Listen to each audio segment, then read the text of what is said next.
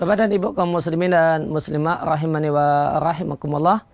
Topik bahasan kita dalam kesempatan kali ini adalah kasus seandainya salah satu dari suami ataukah istri murtad dari Islam. Maka bagaimanakah status pernikahan keduanya? Maka di sini ada rincian sebagaimana yang telah saya tulis di papan tulis. Yang pertama, jika itu murtad itu terjadi sebelum terjadinya yang namanya duhul yang dimaksud dengan dukhul adalah hubungan biologis. Maka baru akad nikah, kemudian belum dikumpuli, salah satunya sudah murtad.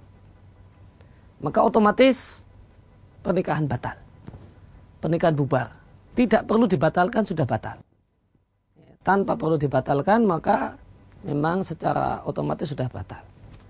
Itu jika sebelum terjadi hubungan suami istri yang biasa diistilahkan dalam kitab-kitab fikih. Buku-buku yang menjelaskan tentang hukum perkawinan dalam Islam dengan sebutan dukhul.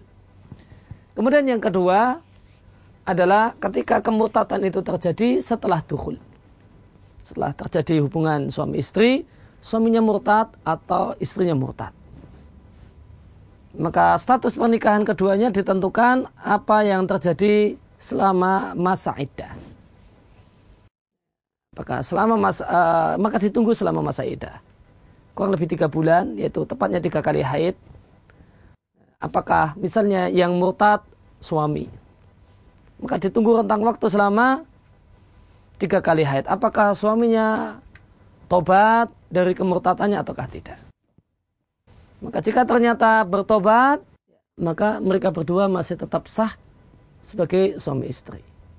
Dan jika sampai masa iddah berakhir suami tidak masuk Islam, maka otomatis keduanya bukan lagi suami istri.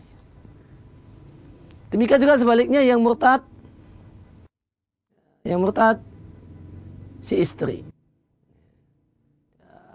Maka ditunggu selama masa iddah. Jika tobat, ya maka keduanya maka keduanya adalah suami istri yang sah.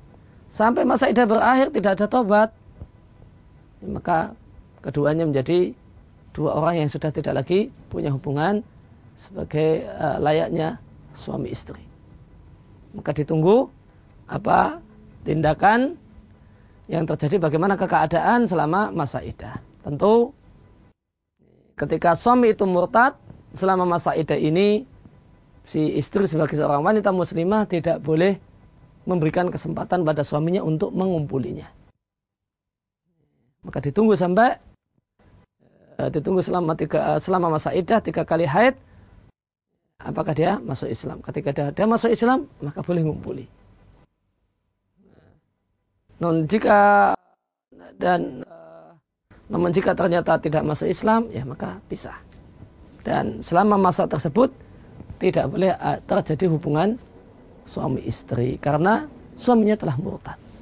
Itu rincian kasus seandainya suami atau istri murtad dari Islam. Ya, demikian yang kita bahas kesempatan kali ini. Mudah-mudahan bermanfaat untuk diri kami pribadi dan jemaah sekalian.